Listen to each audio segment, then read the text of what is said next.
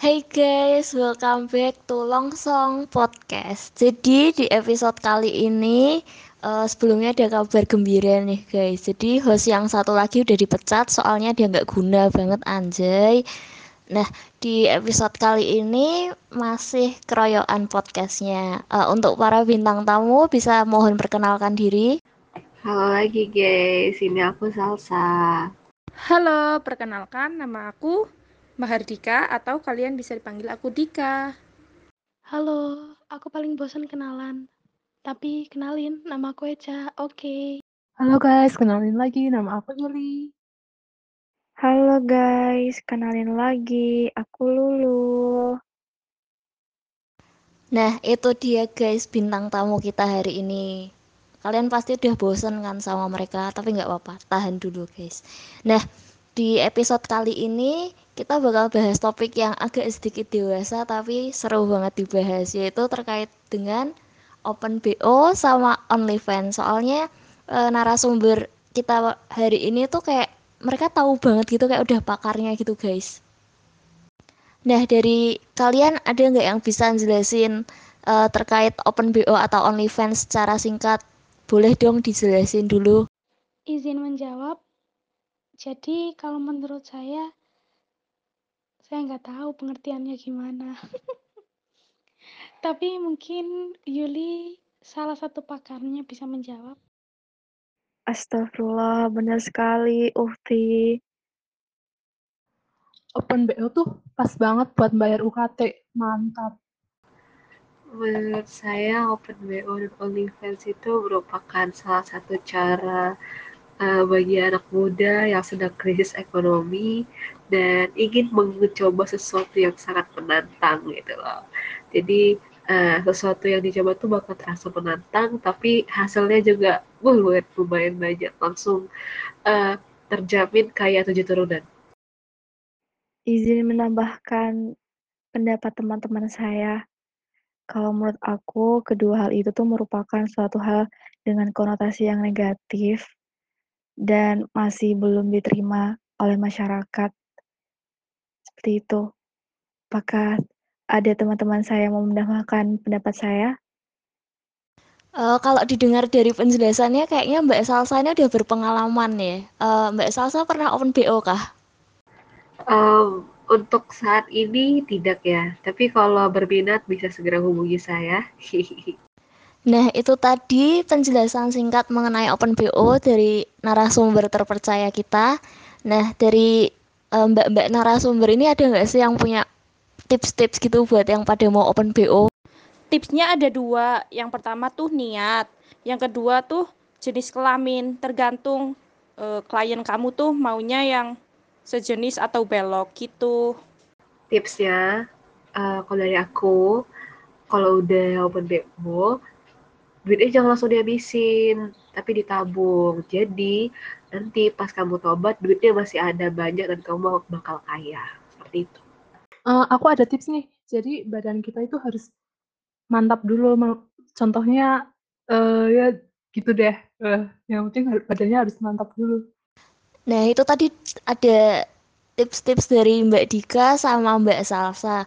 Buat mbak-mbak yang lain bisa nggak kasih tips juga gitu loh. Kalian kan bintang tamu ya, paling nggak berguna dikit gitu loh Mbak. Makasih. Saya setuju dengan tips-tips yang udah dijelaskan uh, oleh teman-teman sebelumnya, tetapi saya ingin menambahkan kembali untuk tips uh, dari Open BO yang pasti ada kepercayaan diri ya, terus ada uh, ini fasilitasnya gitu. Jadi tepat sasaran. Terus uh, yang ketiga jangan lupa pertimbangkan dulu. Jadi misalnya kayak gini. Sekarang kamu berbuat dosa untuk open BO. Kamu perkirakan dulu. Satu minggu kemudian kamu udah punya ancang-ancang untuk tobat dengan Tuhan gitu.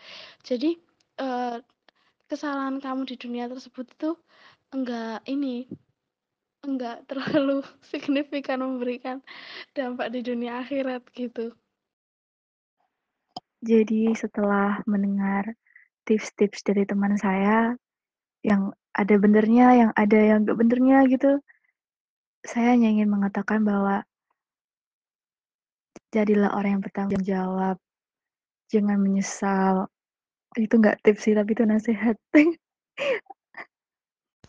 Itu dia tips-tips open BO dari mbak-mbak narasumber, terus ada juga mbak-mbak yang ngingetin tentang dosa, tapi hari ini kita mau bahas dosa dulu guys. Kalian tobatnya besok aja, oke? Kita bareng-bareng berdosa, besok kita tobat bareng-bareng. Uh, buat pertanyaan selanjutnya nih, uh, mbak-mbak semua bisa nggak kayak ngasih apa ya rekomendasi alat-alat yang dibutuhin kalau orang mau open BO atau bikin akun OnlyFans gitu? Mungkin bisa dicari di marketplace, Shopee, Tokopedia. Tapi ingat ya guys, please nggak usah. Cari duit yang halal aja. Kalau dari saya sendiri masih belum ini ya punya rekomendasi ya. Karena saya kan juga masih belum haha.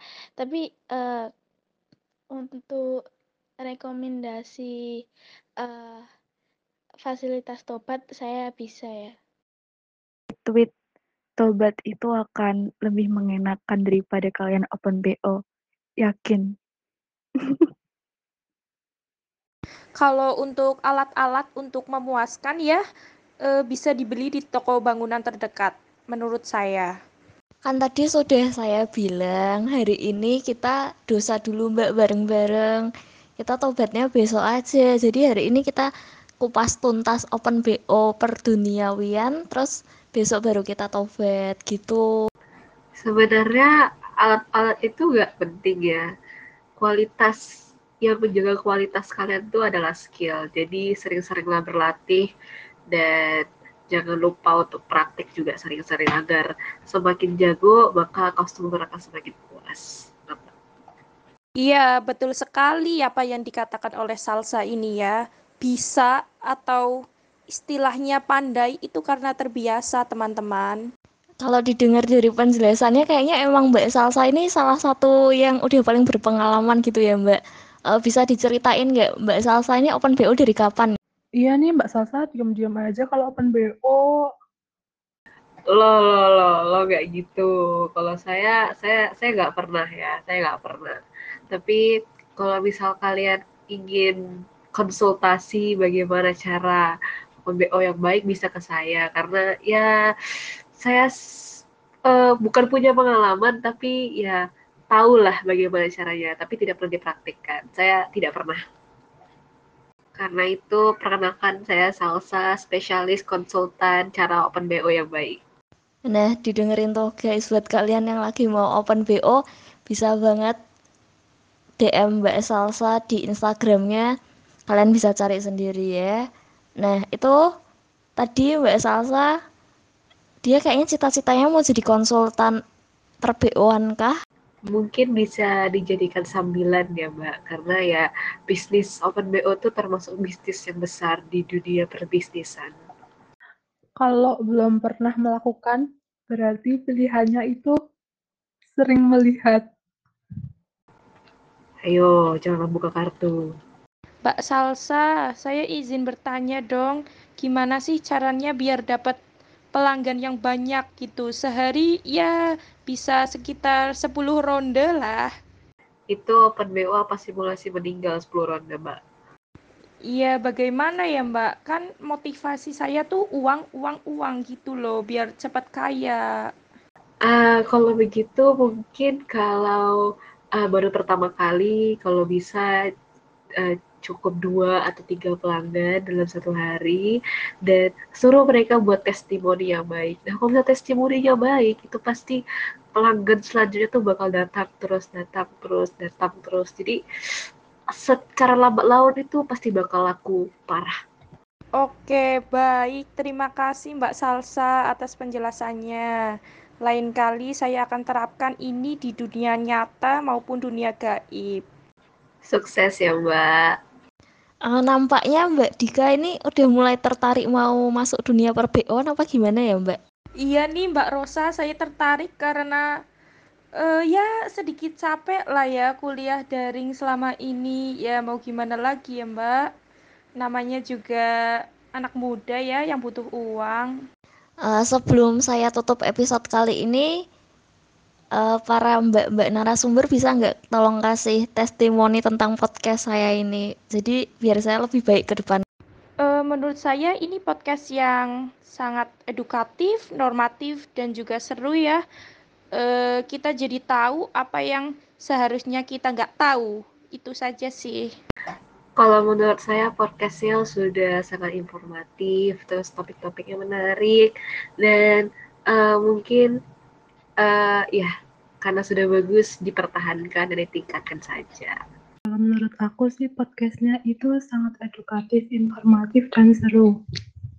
Nah, sekian dulu guys episode langsung podcast kali ini. Makasih buat mbak-mbak narasumber yang udah datang nyempatin waktunya buat datang ke sini buat ngasih info-info seputar Open BO. Buat kalian tetap dengerin langsung podcast ya guys. Makasih, dadah.